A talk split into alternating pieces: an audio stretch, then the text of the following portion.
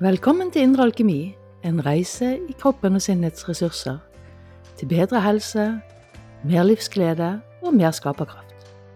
Jeg er Renate Hetlevik Andersen og skal være din guide på denne reisen.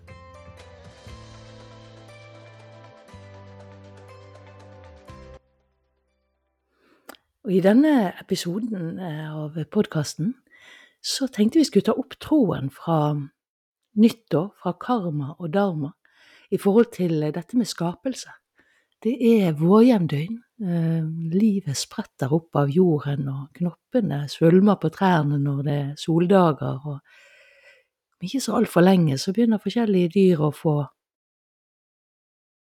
små nykomlinger, små barn. Så livet fødes på nytt. Det er en uh, veldig sterk skapelse som foregår. Og du er et eller annet sted i din skapelse, enten det er store, bevisste prosesser, eller det er mer den subtile, underliggende skapelsen som skjer hele tiden.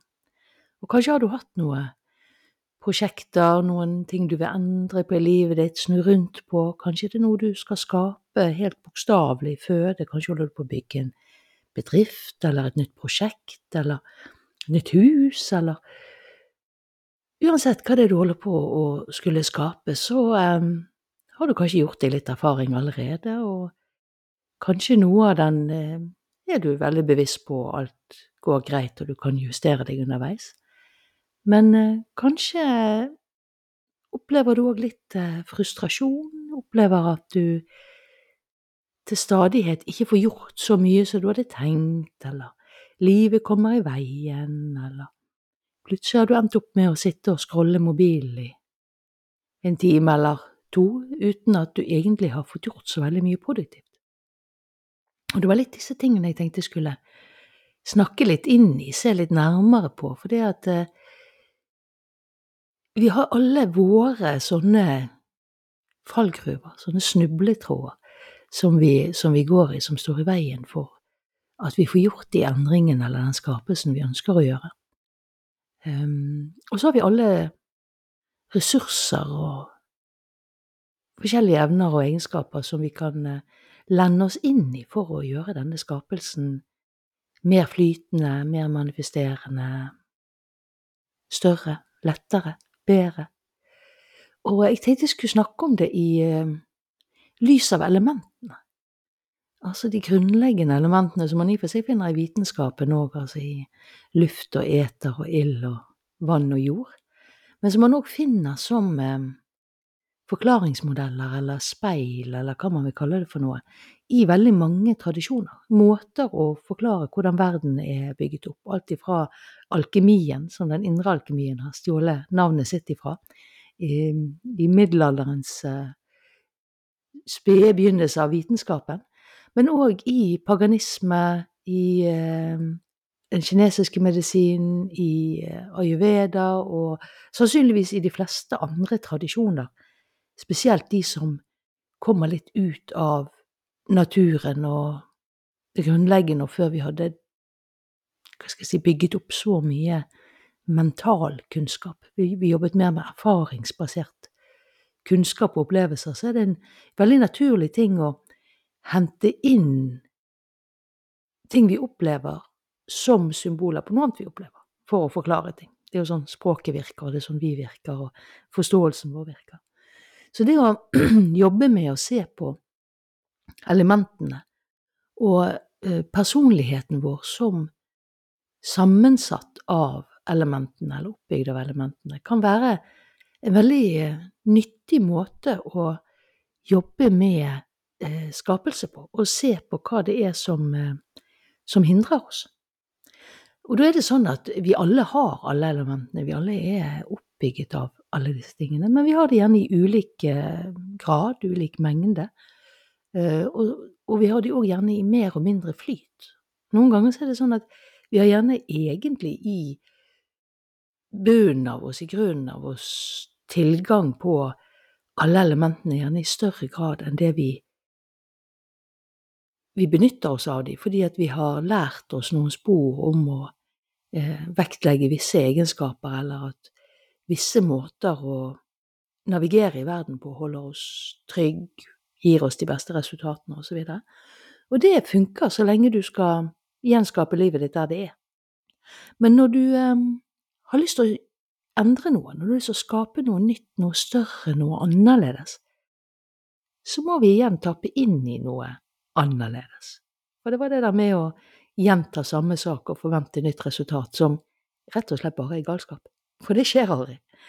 Sånn at um, det å da se litt nærmere på hvordan disse her elementene spiller i deg og i livet ditt, og hvordan de eh, er med å enten understøtte eller sette litt fot på deg, og hvordan du kan enten få bedre flyt og kontakt i det elementet som for eksempel setter litt fot på deg, for å få bedre tyngde eller flyt eller bevegelse i skapelsen, eller hvordan du kan tappe inn i, la oss kalle det det motsatte elementet, den kvaliteten som gjerne er litt i underbalanse, litt aktivt gå inn og bevege på den, for å gjenopprette en mer levende, skapende balanse, kan vi si det sånn?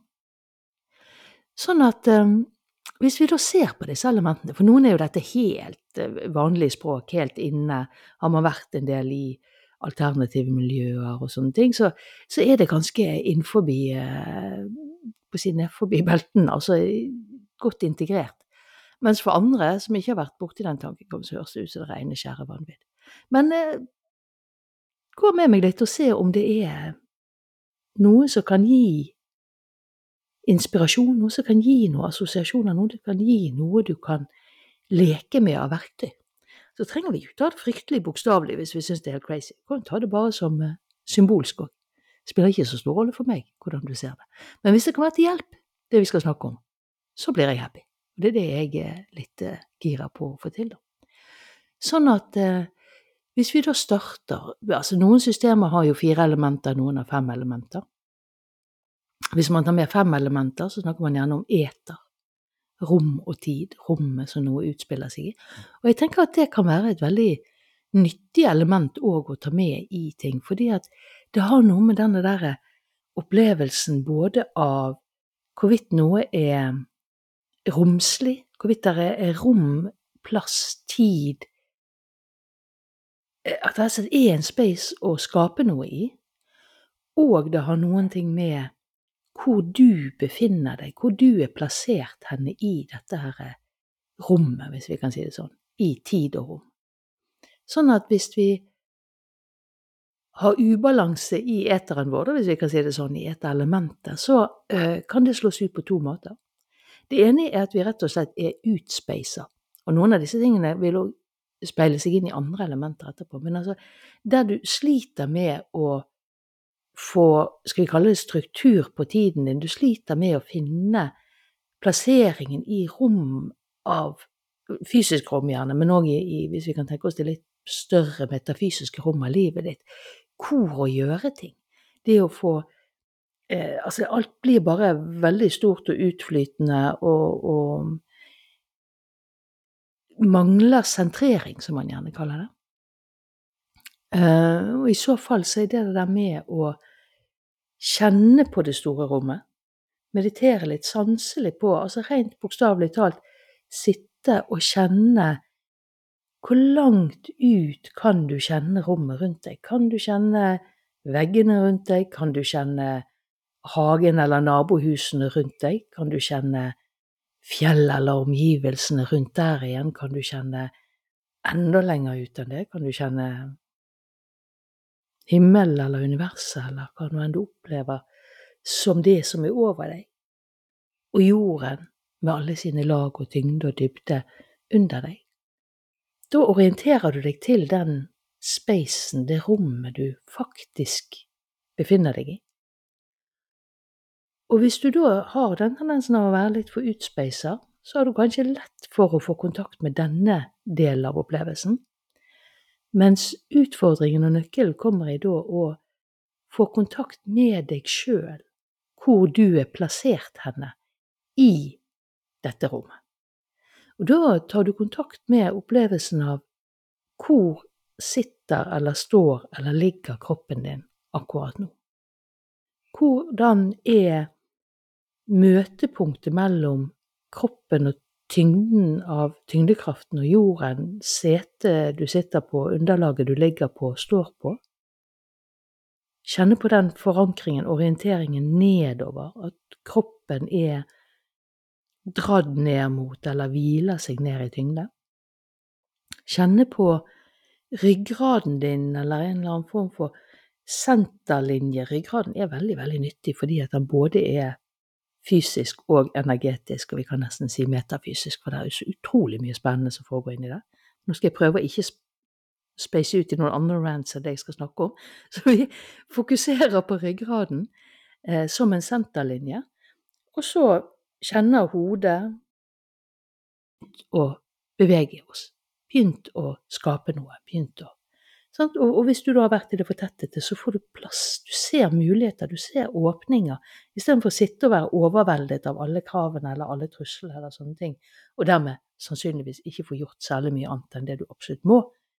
Så begynner du å få en opplevelse av oi, der er det et rom til å gjøre noe, der er det et rom til å slappe litt av, og der er det et rom til å gå en tur. Og, og plutselig så får verden en ny dimensjon. Så bare den, det ene elementet, den ene laget der, så kan det være veldig, veldig mye å hente. Og det er kanskje det laget, det elementet, som selv de som jobber en del med elementene, spesielt hvis man jobber med fireelementsystemet, eh, har minst kontakt med, eller jobber minst aktivt med. Det er på en måte Enten så er det ikke med hvis det er fireelementsystem, eller så er det litt sånn noe som bare er der tid og rom, eter, spacen ting utfolder seg i. Essens, kan man nå kalle det i noen sammenhenger. Men man kan jobbe med det veldig aktivt, fordi det påvirker oss veldig aktivt. Og vi alle har et, en relasjon til space, til tid og rom. Vi har den relasjonen. Hva den er, om man er balansert eller ubalansert eller tett eller utvidet eller sånne ting, det er en annen sak. Men, men alle går rundt med en ubevisst, i alle fall, orientering, opplevelse av å være i tid og rom. Og det å kunne tappe inn i å bli bedre kjent med å kunne eh, utvide potensialet som ligger der, kan i seg sjøl skape veldig mye endring, eller veldig mye mer rom eller forankring for skapelsen.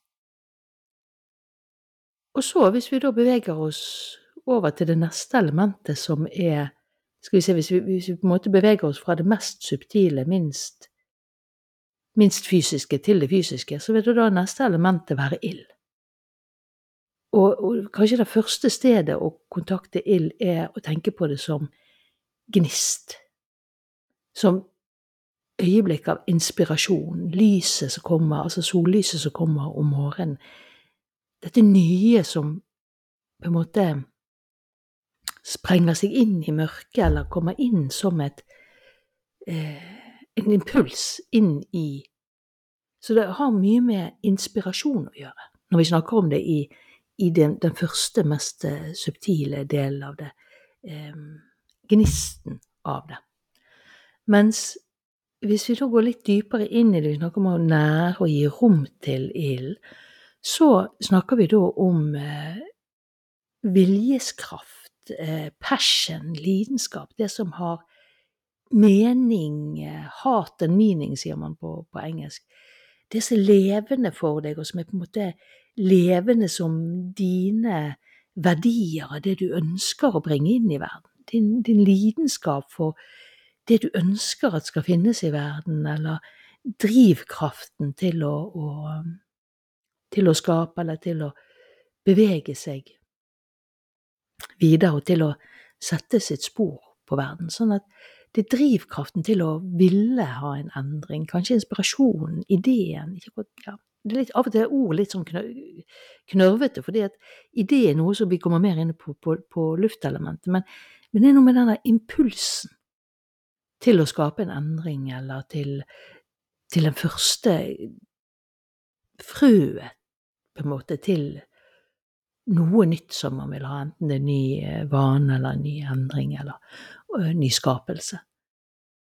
Sånn at det å ha gang på ildelementet ditt, har veldig mye med, med lidenskap, passion, inspirasjon, kre, altså en form for kreativitet, men ikke i det formgivende, men mer i den gnisten, lysimpulsen som bryter gjennom dette her eh, lyspæren i, i tegneserien, som på en måte skaper, starter den første bevegelsen. Du kan gjerne snakke om det som, som um, unnfangelsen, altså i det øyeblikket på en måte sædcelle og eggcelle har møttes før der er noe håper jeg, utvikling og celledeling og sånt, men akkurat det der lille, lille kraften og øyeblikket av eh, energi, ild, inspirasjon, det som skapes i det øyeblikket der, har veldig mye med eh, ildelementet å gjøre. Så hvis du på den positive siden har eh, kontakt med ildelementet ditt og har mye ild, eller har passelig mye ild, så eh, er du inspirert, lidenskapelig, evner å bevege deg, har mot, vilje til å gå på, til å skape den bevegelsen. Får du for mye ild, så kan det være sånn tusen impulser, ideer og stadig noe nytt og sånne ting, eh, uten at man nødvendigvis klarer å få gjort noe med det. Eh, viljeskraften og lidenskapen kan bli, hvis jeg kan si det, for mye, for sterk, sånn at vi blir overkjørende eh, og lite mottakelig. Ildelementet, når det er veldig sterkt, er ikke så veldig åpent for andre ting. Det har en til å fortære alt som er i nærheten, så man kan bli litt sånn voldsom både overfor seg sjøl og, og, andre. Og vi kan ha litt problemer med å eh, få satt ting over i de neste fasene av skapelse. Har du for lite ild, så er du da for lite, altså lite inspirert, passiv, det er litt sånn tungt, litt sånn daft, litt sånn klamt, kanskje. Eh, du mangler driv, du mangler kanskje mot. Eh, og du har kanskje mistet kontakten med hva du brenner for, hva som er din lidenskap, hvorfor dette er viktig for deg, hvorfor skal jeg gjøre noe, hvorfor skal jeg gidde? Så hvis du vil ha mer i kontakt med ilden din, så er selvfølgelig det å jobbe med ild, bål, sitte med et bål, sitte og stirre inn i flammene. Eh, men òg alle ting som er dynamiske og kjappe. Det å puste intens eh, pust, kalapati, tror jeg det heter i yoga, når man jobber med pusten for å virkelig kjøre i gang eh, systemet. Riste, hoppe, bokse. Eh, jobbe med energien i kroppen din på den måten der. Og hvis du da har vært veldig, skal vi kalle det tung og daff og, og lite ild, så begynn i det små. Vi trenger ikke snakke om å løpe opp Ulrikken, liksom. Eh, enhver bevegelse, enhver igangsetting av det ildelementet, enhver kontakt med hva du har lidenskap for, eh, vil skape mer bevegelse. Og så kan du jobbe videre med å nære det etterpå, eller legge inn en praksis av å gjøre det på jernbasis, sånn at du får dette ildelementet til å vokse. Um, og òg det med å gi rom til lidenskapen, gi rom til den kreativiteten, den impulsiviteten. Eh, være litt crazy. Eh, la ideer komme litt crazy, selv om de kanskje ikke på noen måte er gjennomførbar eller praktisk nyttig, eller du ikke har penger til, eller energi til det, eller tid til det, eller hva som helst. Men bare la det få lov å, å, komme, la det få lov å strømme ned, la det få lov å ta det opp på, på telefonen, eh, på taleopptaket, eller skriv ned, eller tegn, eller bare, bare, på en måte la selve impulsen få lov å, å flyte igjennom. Og så kan vi ta den videre til de neste trinnene av skapelse med å forme det mer etter hvert. Men hvis det er ilden som er problemet, hvis han er litt daff, hvis han ikke er helt ikke får helt bevege seg, så må du gi han rom, og så må du bare nære han, og så må du bare lytte til han, og, og, og la den få lov å være nettopp det den er. Den, den er ild. Den har ikke noe på en måte spesifikt mål og mening. Den er en gnist i, i mørket, en gnist som løsriver seg fra vedkubben eller flammen. Den er de første lysstrålene fra solen som står opp om morgenen, som ikke har noe mål og mening. Den er bare ild og lys og inspirasjon og liv og kraft i seg sjøl. Og så lyser det opp og bringer liv inn i det det treffer. Så ild skal ikke ha så mye hensikt i seg sjøl, den skal bare være en inspirasjon. Det skal bare være en bevegelse, det skal bare være en igangsetting, det skal bare være en impuls. Og det å gi rom til det, og bevege det, og, og bevege den i deg, og, og selvfølgelig òg la seg inspirere av inspirerende mennesker. Kjenner du mennesker som har mye ild på en god måte, la deg inspirere dem, kjenn pust de inn, kjenn hvordan det vil være å ha den typen kraft og gang og trøkk i systemet som du, du kjenner at de har. Og hvis det er litt mye ild, så har det veldig mye ofte med å Det ene kan dette rommet som vi snakket om i sted, det å romme det litt mer, eh, hjelpe til at ikke man blir helt hyperaktivert og skal handle på og igangsette og tenke på hver impuls man får. Sånn at noen sånne gnister de blafrer bare opp, og så forsvinner de igjen.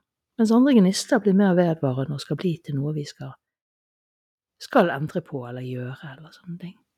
Men hvis, hvis utfordringen er at du har for mye ild, så er veldig ofte løsningen å jobbe med en del av de andre elementene. For hvis vi tenker oss ild i et bål, for eksempel, så trenger ild luft for å brenne, hvis noen har prøvd å fyre i en peis eller en ovn uten trekk, så vet man veldig godt at det funker veldig dårlig. Har du for mye ild, så er det neppe det som er problemet ditt, for da er det som oftest veldig mye luft der òg, eller iallfall eh, bevegelse. Men man trenger òg selve vedkubben, hvis du kan si det sånn. Trenger jorden for å ha noe å næres på, for at ilden skal kunne bli vedvarende og ikke bare blaffe opp og forsvinne igjen. Og man trenger at det er en viss grad av fukt, vannelementet, i veden, eller det, det, det du brenner på, det jordelementet, for at den skal få en, på en måte en viss langsomhet og kunne på en måte nære den lidenskapen til at den kan gløde og gi varme og, og skape de endringene.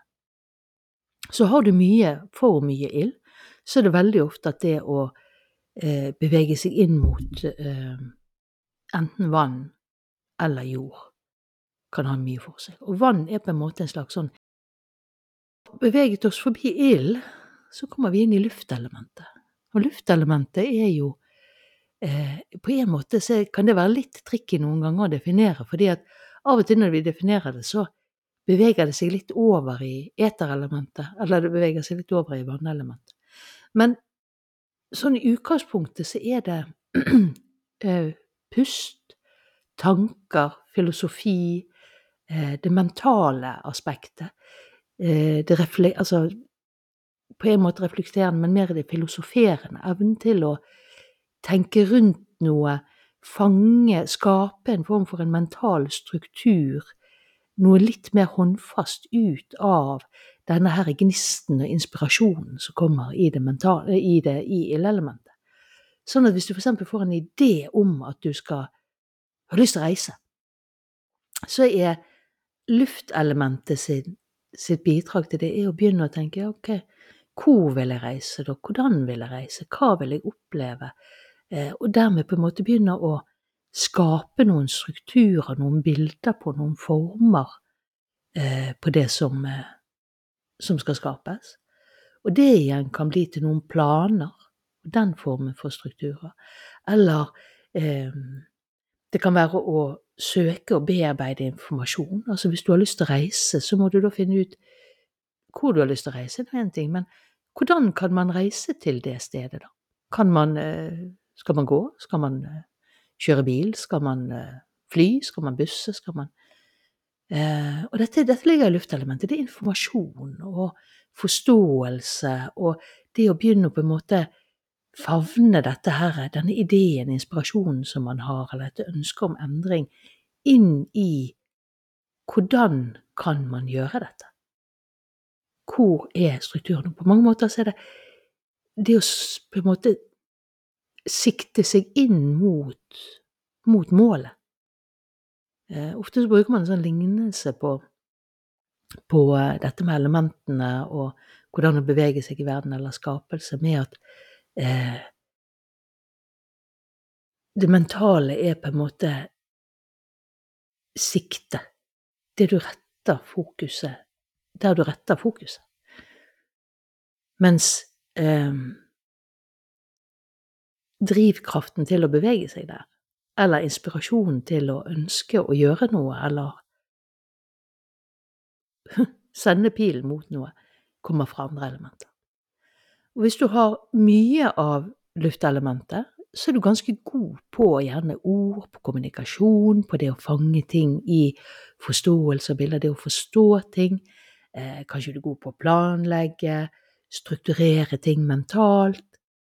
Eh, men hvis du har litt mye av det, så kan man drukne litt i det mentale, i strukturer, at ting må være riktig, eh, at man aldri får nok kunnskap, nok informasjon eh, til å klare å ta en avgjørelse, eller til å, å bevege seg. At hvis man da ønsket å skape en endring, eh, begynne å trene, komme i bedre form, så blir man sittende og søke informasjon om alle mulige måter man kan gjøre det på, veie det ene opp mot det andre osv. Og, og så går dagene.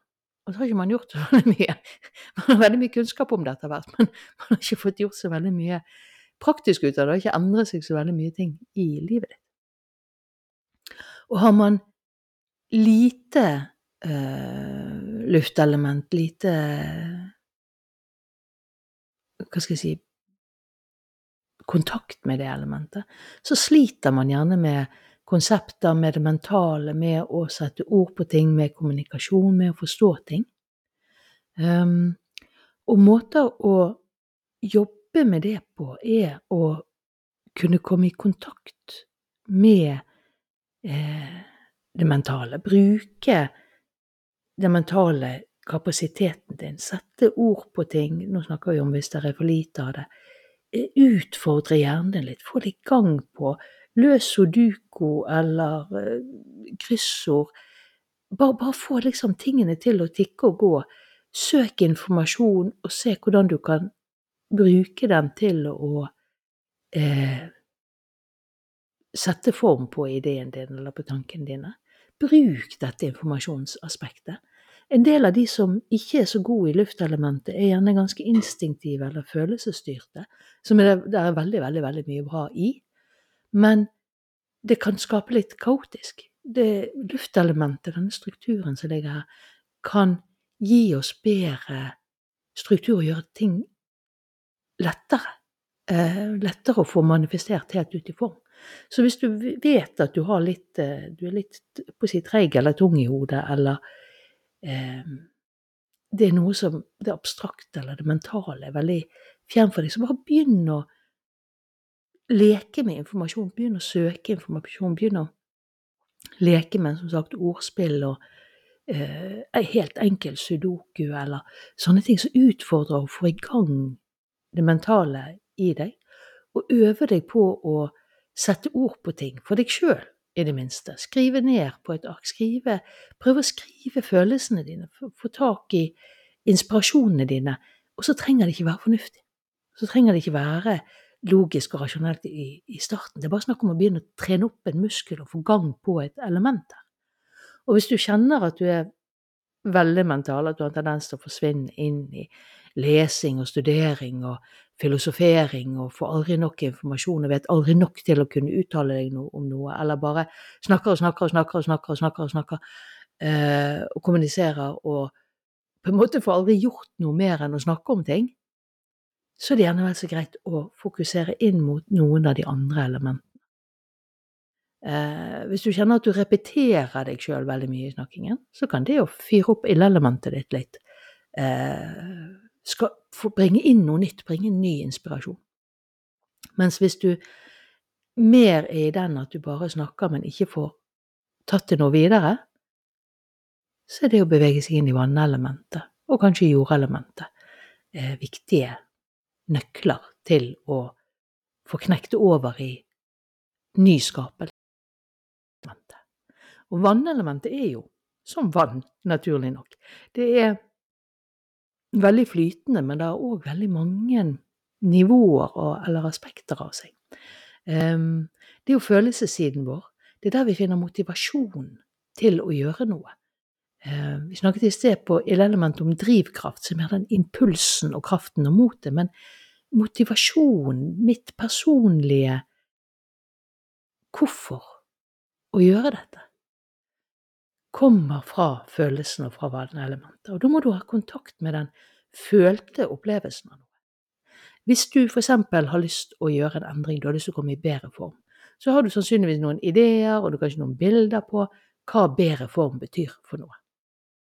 Men hvis du skal klare å skape en endring på det over lengre tid, så må du òg ha en kontakt med hva er den følte opplevelsen av det i deg? Hva vil det gi deg? Hva er dine verdier, din, din opplevde positive følelse som du får ut av det? Og det ene kan være følelsen av hvordan det vil kjennes å være der. Og det andre kan være følelsen av hvordan det vil kjennes å ikke være der du er, ikke være i dårlig form, for eksempel. Hvis du skal skape noe, så må du også ha kontakt med den følte opplevelsen av din personlige følte verdiopplevelse av hvorfor vil jeg gjøre dette?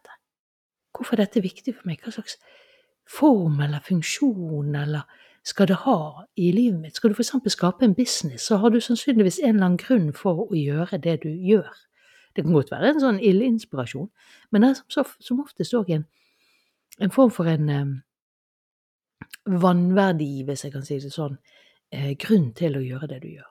Den kan enten ligge i selve det du gjør, for eksempel ønsket om eh, å inspirere andre, hjelpe andre, skape en endring i verden. Det kan være ønske om å eh, bidra til eh, renere mat eller renere luft eller mer fargerik verden eller sånne ting, som, fordi at du har lyst, du syns det er viktig, du har lyst til å bo i en verden som har renere mat, som tar vare på jorden, eller sånne ting. Um, eller uh, i en helt annen retning uh, trening, det at folk skal føle seg vel, det at de skal se bra ut, det at de skal tappe inn i potensialet sitt. Eh. Men det kan òg være helt andre ting. Det kan være at det ikke Det er ofte lettest å skape noe der det er en kontakt mellom essensen i den bedriften du skal skape, og det som er dine egne verdier. Ellers så kan det være litt krevende. Men hvis drivkraften ligger på det å f.eks. skape deg et bedre liv, tjene mer penger, eh, få mer frihet, ha mer frihet til å være med, med, barna dine, eller til å reise, eller hva det måtte være for noe. Eh, slippe å være ansatt, slippe å ha en sjef, osv. Så, så kan det òg være følelsesmessige ting som motiverer deg til, og som kan gi deg en vedvarende motivasjon til å skape. Men nå må du ha kontakt med dem, du må kjenne at det er det som er ditt why, som man ofte sier og spesielt følelsesmessige why, um, for at det skal kunne nære og bære skapelsen din fremover. Hvis ikke du har kontakt med dette, så blir det litt sånn Vi snakket om både på ild og luft. Det blir det sånn uh, gode ideer og så lite annet. Det skjer ikke så veldig mye. Vi skal dra det på en måte dypere inn i skapelse, så må vi ha kontakt med, med dette her er hvorfor, hvordan, for å kunne gi det mer form òg. Hvis du har lyst til å inspirere andre eller nå andre eller snakke med andre, er det lokalt du har lyst til å jobbe da?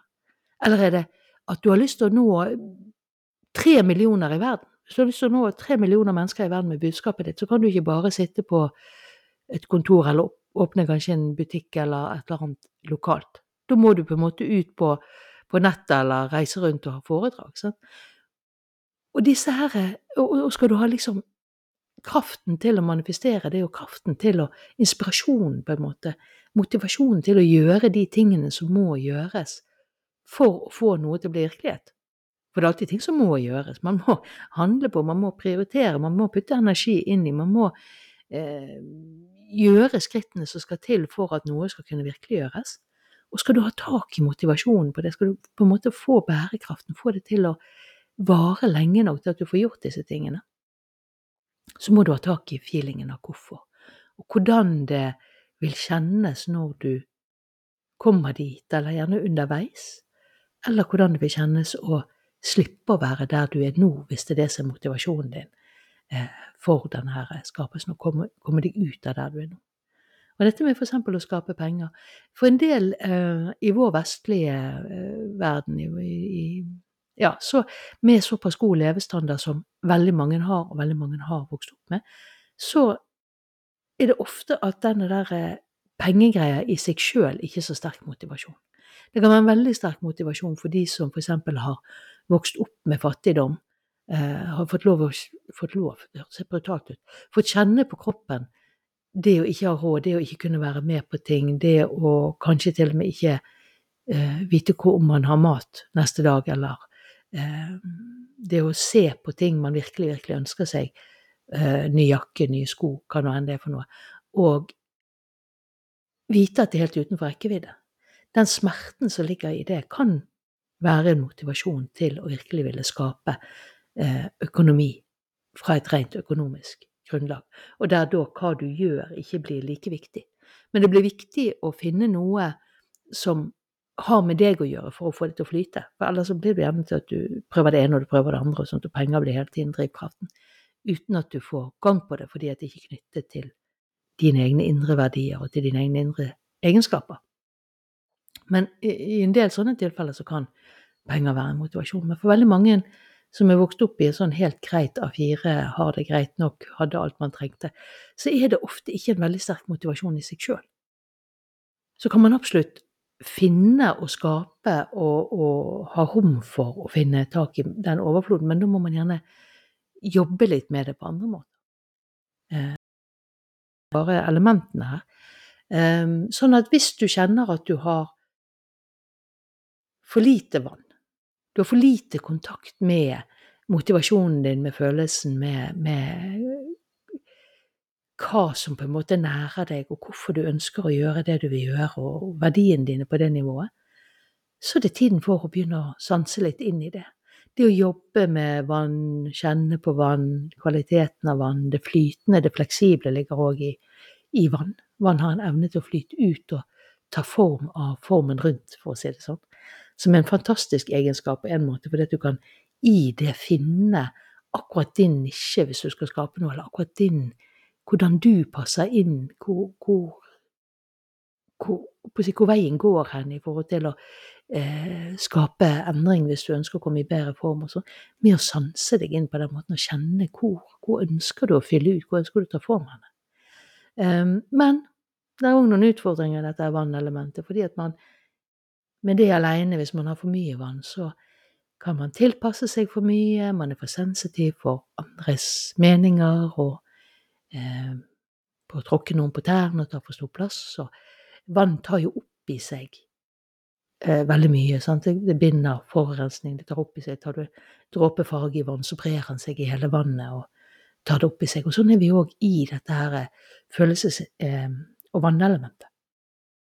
At vi det er en veldig sånn følt, levende, organisk opplevelse som i seg sjøl kan nære og bære veldig mye og skape motivasjon, men som òg, eh, hvis det ikke balanseres opp mot andre ting, som f.eks. ild og jord, kanskje til og med luft, eh, så kan man ha en tendens til å drukne i følelser.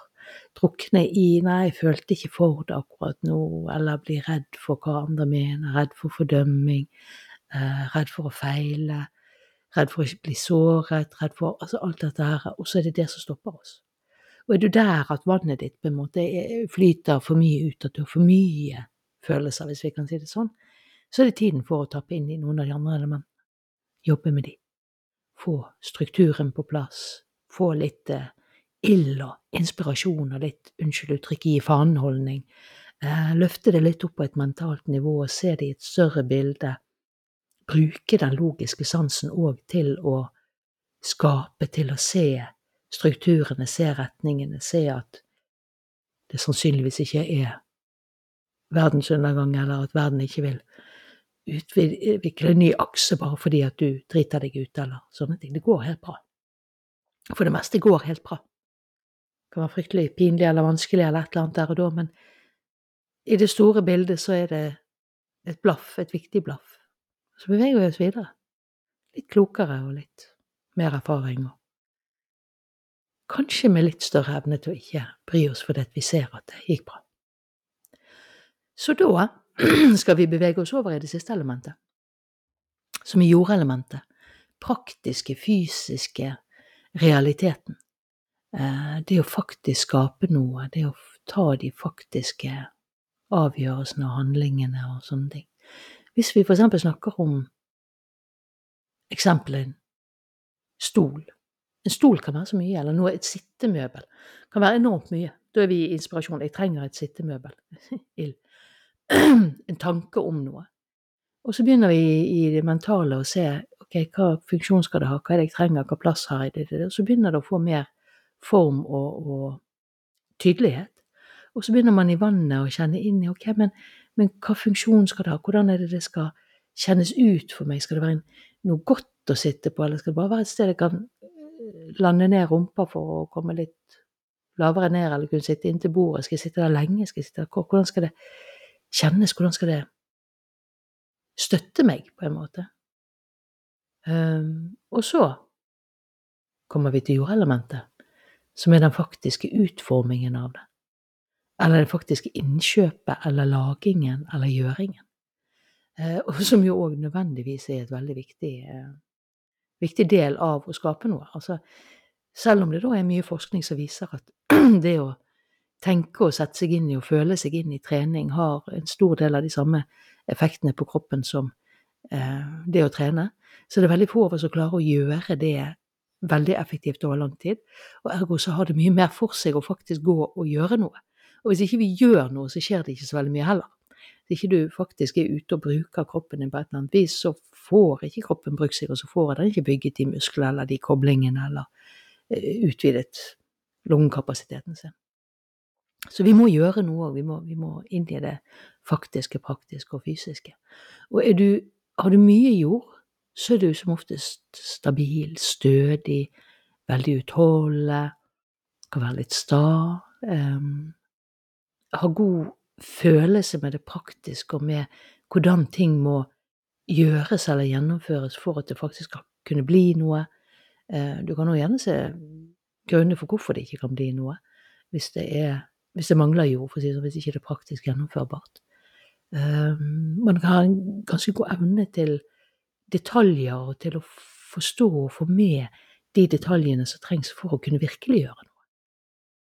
Mens på den negative siden, hvis man har for mye jord, så kan man rett og slett bli sta og ubevegelig og tung og ha problemer med å komme i gang.